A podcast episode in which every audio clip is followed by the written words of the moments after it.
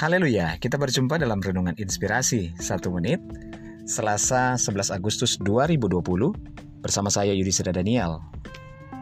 Jangan dibalas. Jika ada orang yang mengumpat kamu tentang ini dan itu Jika ada orang yang berburuk-burukan sangkah begini dan begitu tentang kamu Dan jika ada orang yang memfitnah kamu tentang ini dan itu Jangan dibalas.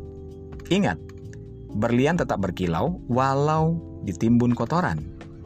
Kamu dan saya akan tetap bercahaya walaupun banyak orang yang berkata buruk tentang kita. Yesaya 43 ayat 4 Oleh karena engkau berharga di mataku dan mulia dan aku ini mengasihi engkau. Tetap semangat, tetap sukacita karena Tuhan beserta kita. Haleluya.